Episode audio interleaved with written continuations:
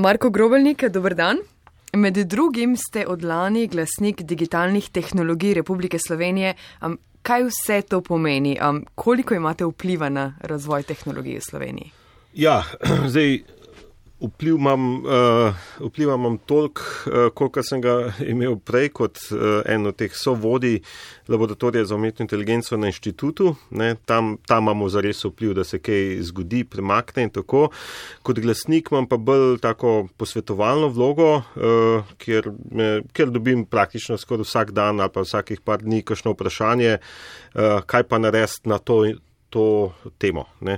In uh, poskušam znotraj pač svojih kompetenc ali pa znotraj kroga ljudi, ki, ki jih pač dobro poznam, eh, najti kakšne odgovore. To je recimo vpliv, sicer je pa to glasništvo je pač ja, tako neplačana uh, funkcija. Uh, ki mi samo bolj ali manj odpira vrata, ne, nimam pa nobenih vzvodov pravih. Uh mhm. -huh. Ampak um, morda vseeno veste, kakšna zakonodaja nova na vidiku. Uber je vroča tema lanskega leta v ja. Sloveniji, ja. um, e-uprava je vedno tema v Sloveniji. Uh, ja, dobro, ta Uber je stalno na tapeti, odkar sem uh, glasnik. Zdaj, tako, jaz se skušam uh, izogibati debati o Ubru samem, uh, bolj je relevantna debata, a se pogovarjamo o del, uh, tej delitveni ekonomiji, sharing economy, kot se reče, uh, kjer je Uber samo en predstavnik tega. Ne?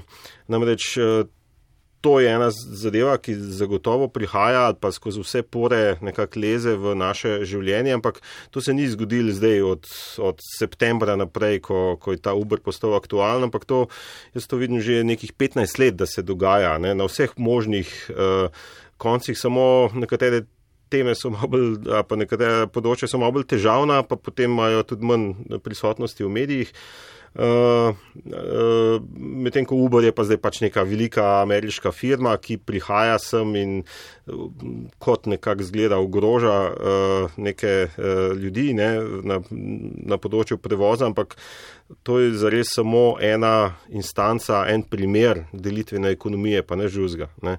In takih primerov imamo celo vrsto jih, uh, torej od programiranja, eh, pomoč, eh, trgovine, vse to so eh, prevozi, pika, neta, kako že imamo. Org, in tako naprej. Org, ja, no, to, to so vse primeri delitvene ekonomije, kjer. Uh, kjer, uh, ki, ki so že v našem življenju, to ni nekaj, kar bi bilo zelo novega. Ne. ne glede na zakonodajo. Uh, zdaj, zakonodaja pa seveda probo regulirati, zato da, bi, uh, zato da ne bo zdaj Torej, ta strah je, da bo zdaj Uber prišel in potem bo uh, en del ljudi, tipično so to posredniki, ne za res vozniki, bojo bolj ali manj isti. Ne. Posredniki so tisti, ki izgubljajo delitveno ekonomijo uh, uh, posel. Uh, in posredniki izgubljajo posel že precej časa, odkar se računalniki, predvsem odkar se je internet uveljavil. Tako da zdaj to je samo vprašanje časa. Na en ali pa drug način. Regulator mora pa poskrbeti, seveda, da ni velikih škod v družbi. Ne. Še malo k vaših funkcij. Pravite, da je bolj naziv titula, ki ni plačana. Um, nimate torej sredstev, čeprav razumeni, kaj širite, dober glas, glas digitalnih tehnologij v svetu, vsakdanje življenje nas vseh? Ja, zdaj, to, to je standardno vprašanje. Kaj pa zdaj to pomeni, da sem uh, digitalni glasnik? Ja, uh, ena stvar, ki sem rekel že večkrat, sem jo ponovil, ne, kaj bi si želel uh, s to svojo funkcijo narediti. Predvsem to bi rad povedal, da. V Sloveniji, ne, jaz sem digitalni glasnik za Slovenijo ne, in vsaka država ima en, enega takega. Uh, uh, kjer se potem dobivamo na, na Evropski uh, komisiji, tu in tam. Uh, torej, ena stvar je to, da bi hotel povedati, da se v Sloveniji stvari v resnici zelo dobro dogajajo. Veliko uspešnih zgodb, veliko uspešnih zgodb, ki so pod radarjem, uh, recimo, ki, ki se jih pravzaprav niti ne ve. Ne. To bi predvsem hotel povdariti. In predvsem uh, to sporočilo potem pozitivno vpliva lahko tudi na samozavest ljudi, ki uh, nismo samo slovenci taki, da predvsej jamramo, tudi drugi po svetu in v Evropi precej jamrajo, ampak konkretno na področju računalništva pa digitalnih tehnologij pa slovenci zagotovo nimamo nobenega razloga, da bi jamrali. To je, tako kot v šali doskrat rečemo, first world problem, torej to je problem prvega svet, naprednega sveta, ki, ki jih imamo. Ne? Torej, mi imamo pravzaprav vse, kar uh, rabimo metne. Kakšno bo torej leto 2017? Kaj si želite? Ja, zdaj, kaj si želim zdaj kot digitalni glasnik? Uh, jaz bi si predvsem želel, da. Uh, torej, to so zdaj želje, ki se sveda dotikajo takih bolj dolgoročnih procesov. Ena stvar je to, da bi bilo zelo fino, če se ta tako imenovana digitalizacija razume, da je to del vsakdanje kulture. Tako kot je nekoč se pojavil avto, pa so se potem ljudje navadili in so se hitreje prevažali, pa se je potem pojavil radio in so kar naenkrat radio poslušali, pa so se televizija pojavila in je tudi vplivala na življenje. Uh, no, in potem se je na neki točki internet pojavil in seveda je to zdaj že sicer preko 25 let. Uh, uh, in zdaj to dejansko postaja del življenja. To ni nekaj, kar je življenje teče po svoje, digitalne tehnologije so pa nekaj drugega, to so, se prepleta. No. No, to, uh, uh, bi, ena zelo pomembna zadeva je pač tukaj izobraževanje, da, da ljudje razumejo, da, to, da se je treba mogoče mečken hitreje prilagajati kot pa s, uh, spremembam, kot se je bilo pa treba mogoče pred 20 leti. Uh, drugače pa vse ostalo je pa pravzaprav isto. Ne. Tipkalni stroji so tudi šli, ali pisalni stroji, no, kot se reče, so tudi šli stran, ko so se računalniki uveljavili.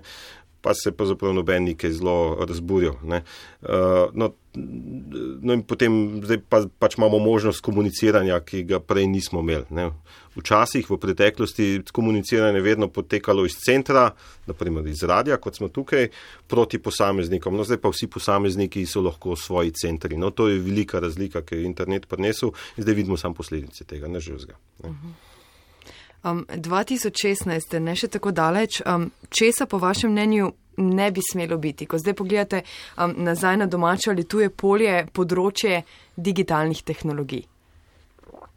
Um, lažne novice, o tem smo se no, konec leta veliko so pogovarjali. Pa. Ena stvar, ki, ki je zelo razgrela uh, cel mednarodni prostor v.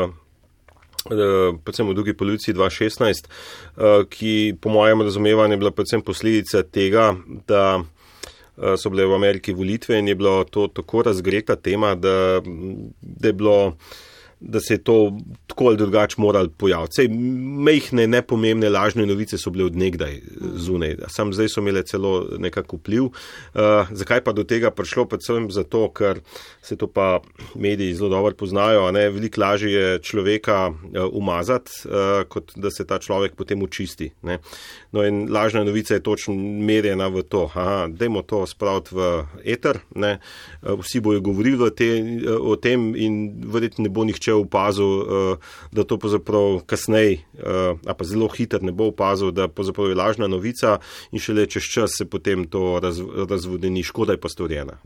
Torej, lažen, lažne novice so gotovo ena taka stvar, ki mm, je, je bil en tak pojav zadnjih, ne vem, pol leta recimo. Ne? Uh, ravno danes sem bral novico, no, da se Nemci, ki se pripravljajo na volitve, ne, bo, so izgleda, bojo dal kazen Eh, recimo Facebooku ali pa drugim, ki razširjajo lažne novice, pol milijona evrov ne, na lažno novico. Mm. To je, ne vem, ravno danes sem prišel do te informacije. Recimo, no, to je zdaj reakcija recimo uh, uh, regulatorjev, ne, kako se s tem boriti, zato ker dejansko je škoda, ki je povzročena z lažno novico, veliko večja kot. Uh, uh, kot se jo da neposredno uh, odpraviti zelo hitro. To, to je ena od stvari uh, v 2016. Ja, uh, ena stvar, ki ni nujno samo stvar 2016, to pa je nekaj, kar pa nas, ki razvijamo, recimo umetno inteligenco, se ukvarjamo s, s, s temi tehnologijami. Torej, tako kot so te tehnologije na vseh delih življenja pomagajo, ja, bolj živeti, uh, lažje in tako naprej, na drugi strani so pa lahko tudi škodljive, predvsem ena stvar, ki nas vse zelo boli, pa moti, ampak ne da imamo kaj dosto vpliva, pa recimo ta avtonomna orožja. Ne. Avtonomna orožja so orožja, ki se sama odločajo, uh, a bojo recimo ubijali ubijala ali ne. ne. To je recimo od vseh stvari, ki, ki jih uh, rekel, uh, opažamo, je to, da uh, to, to je pa nekaj, kar je pa lahko problematično. Ne. Uh, to ni nekaj, da bi bilo zdaj to vse prisotno, ampak je trend pa gre nekako v to smer. Ne. To je ena stvar. Potem je pa seveda ta uh, stvar, ki se je tudi do neke mere povezana z. Uh, uh, s tem zadnjim obdobjem, pa tudi z volitvami, do neke mere ta hekerstvo oziroma te upadi v sisteme, ne, torej ta tako imenovani cyber security, varnost, kibernetska varnost. Ne. Dejstvo je, da z, uh, sistemi so tako kompleksni, da jih uh, tudi lastniki ne obvladujejo več. Ne. Pač, uh, te luknje, to neobvladovanje sistemov pa lahko izkoristijo pač. Uh, hekerji ali pa ljud, ljud, ljudje z znanjem in s slabimi nameni, ne, takih pa je nekaj okrog, ne, to so lahko tudi uh, tajne službe in tako naprej.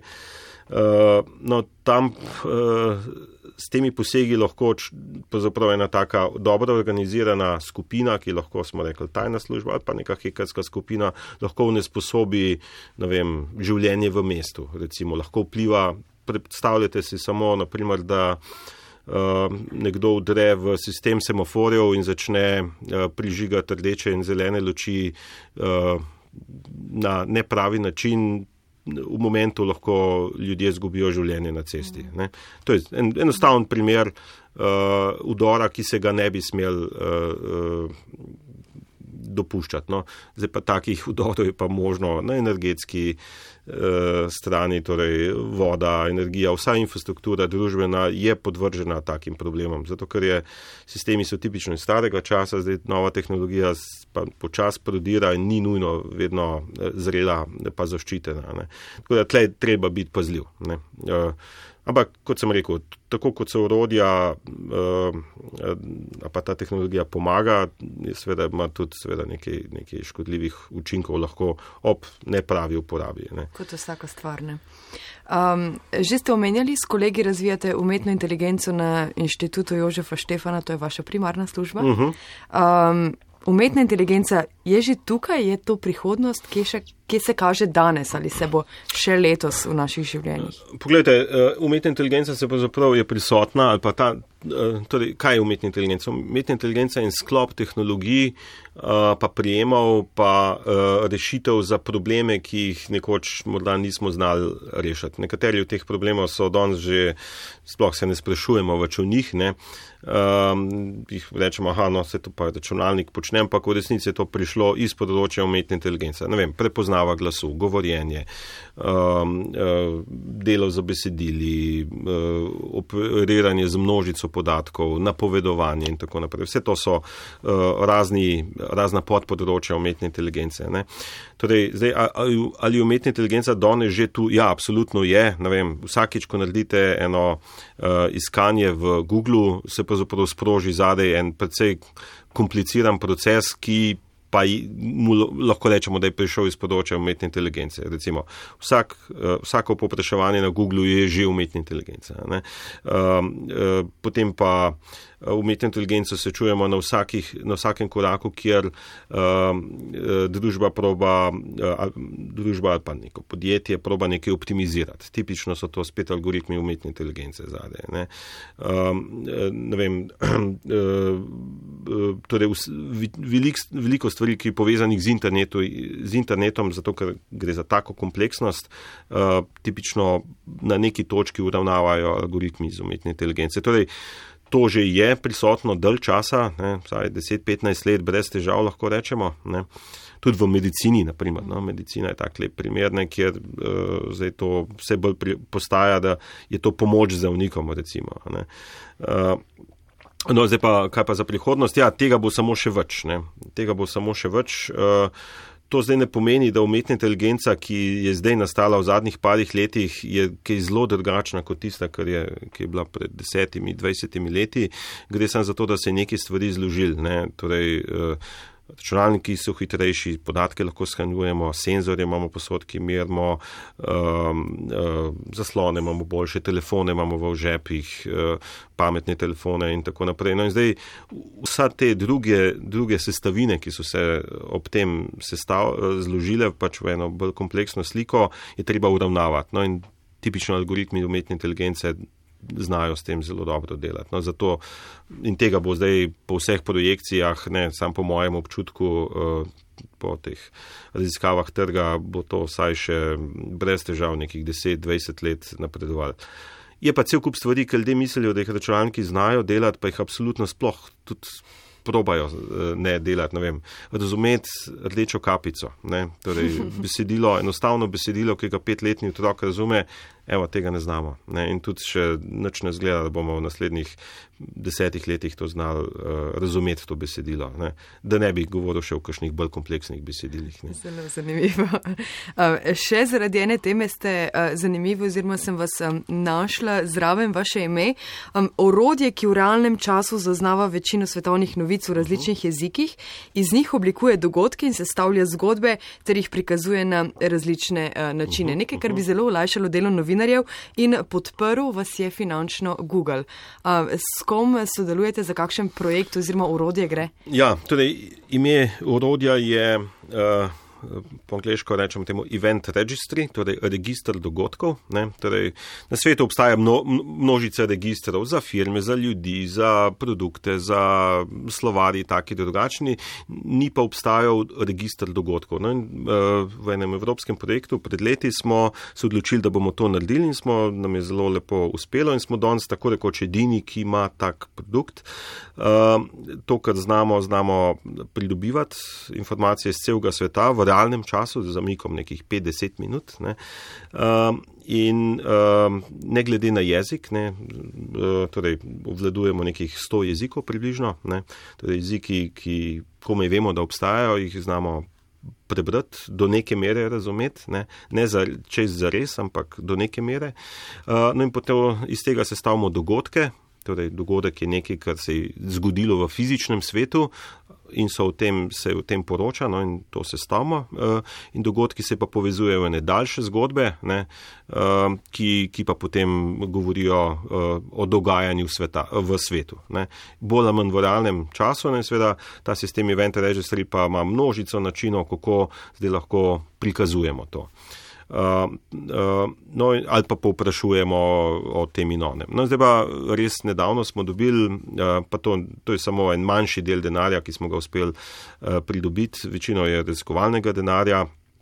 Recimo, lansko leto smo dobili vem, tri spodobne večje evropske projekte, ki to tudi financirajo. No, ta Google denar je pa mogoče približno. Odmeven, je bolj odmeven, ja, čeprav, čeprav smo veliko več denarja od, od druge dobili za, za razvoj tega, uh, uh, ki je pa.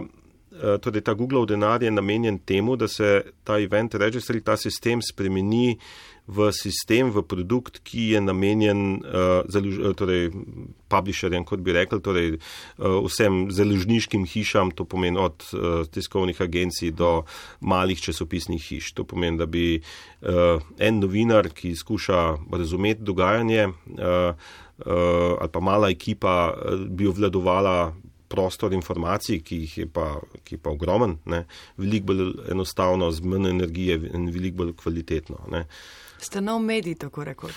Uh, torej, uh, včasih nas primerjajo s tem, kar se imenuje uh, news agregatorji. Mm. Torej, uh, ampak mi nismo news agregator, mi probamo še precej daljati.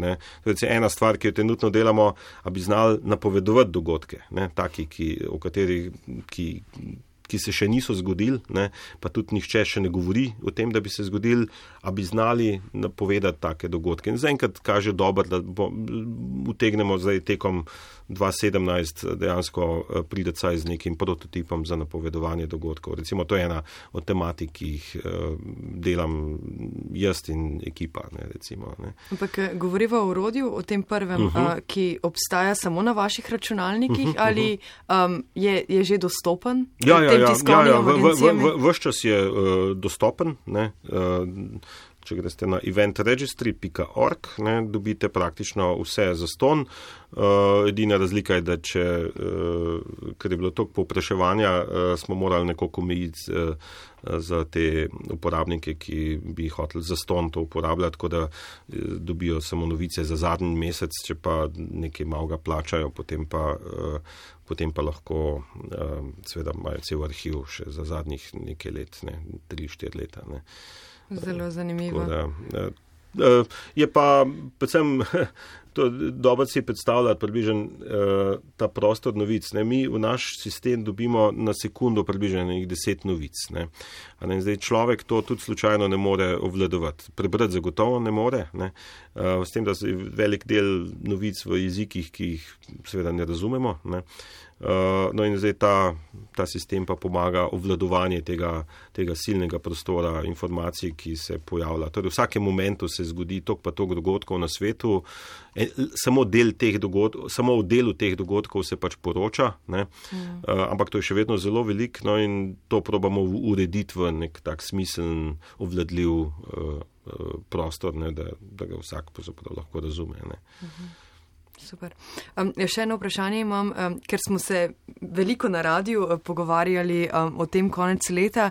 Um, se ukvarjate kaj z VR-jem, razmišljate kaj o tem? Um, je lahko virtualna realnost um, prihodnost dobrodošla um, doma v naših domačih življenjih, eh, v novinarstvu?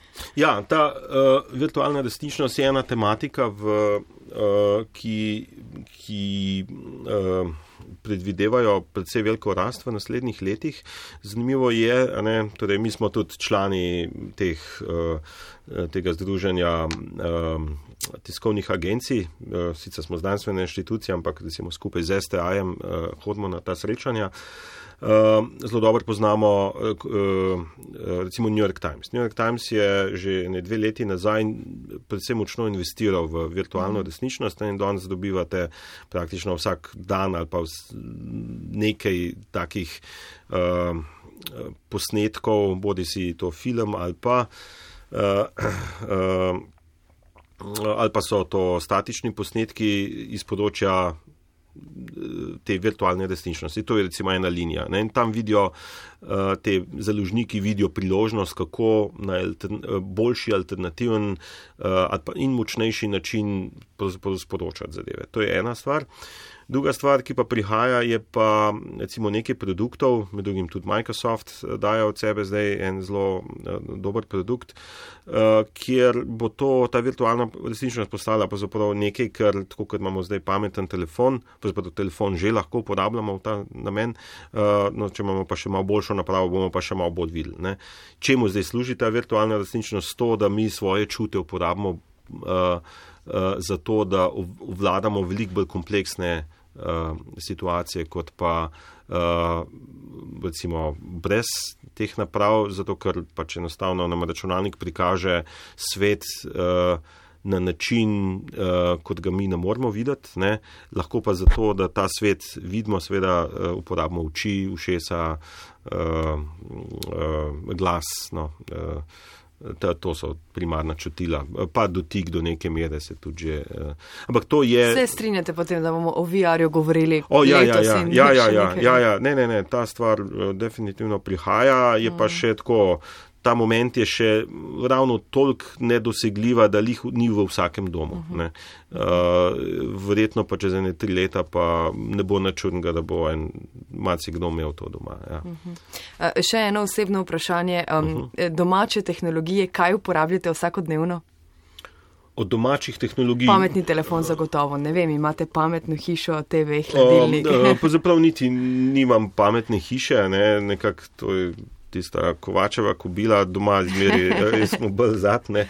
Uh, uh, drugač pa od. Uh, do, torej, uh, Pameten telefon, seveda, izkoriščamo vse možne namene, to zagotovo. Potem na računalniku imamo vsa mogoča, ne samo jaz, tudi vsa ekipa na inštitutu, pač, kar lahko sledimo in še kar dobro sledimo pač tisto, kar nam pomaga pri življenju, ne, uh, uh, v življenju za delo. Uh, Medtem ko torej en del ekipe vem, da uporablja računalnike za merjenje fitnesa in tekmujejo, kdo bo hitreje šel po. Uh, raznih klancih navzgor ali pa navzdol, uh, kdo bo več kalorij uh, porabil. Jaz sem to samo mečkam se dotaknil, zares pa pravzaprav niti ne. Uh, da, ampak uh, naša življenja so itak zdaj tako že prepletena s tehnologijo, da vedno bi lahko še malo več bilo, ampak uh, v tem smislu uh, to jemlje tudi čas, ne? to ni nekaj mm. samo, kar samo daje. Uh, prihrani čas, ampak doskrat tudi vzame predvsej časa, vsaj v neki začetni fazi. Tako da je tist, ehm, tako, probamo eno ravnotežje, koliko tega res uporabljamo. Ehm, pametna hiša, ja, to je nekaj, kar se bo tudi kmalo zgodil, pametno mesto, ne, to je nekaj, zdaj, kar bo. Mesto, torej veliko mest tudi v Sloveniji že trdi, da so skozi bolj pametna, to še ni čist za res, ne, ampak to bo tudi kmalo. Ne. Uh, postalo veliko bolj vse prisotno. Ne. Tudi imamo eno, vsaj eno, če ne več podjetij v Sloveniji, ki se s tem zelo uspešno ukvarjajo. Da, uh, to, je, to so vse te elementi digitalizacije, torej na nivoju nacije, uh, mesta, doma, kvartirja, v katerem živimo, pa tudi službe in vsega ostalega. Ja. Uh, sicer je pa, ja, vse se pa tipično začenja s pametnim telefonom. Zato, v žepu. To, zato, ker imamo, danes imamo v žepu pravzaprav. Te računal, eh, telefoni, ki jih imamo v žepu, so približno tako močni, kot so bili recimo najmočnejši računalniki na svetu tam nekje na začetku 80-ih let. Eh, takrat so seveda rabili za tiste računalnike ogromne eh, prostore, cel, celo stavbo, ne? no danes imamo to v žepu mm. in to spreminja, to spreminja zelo mm -hmm. zadeve. Ne? Super, najlepša hvala. Hvala.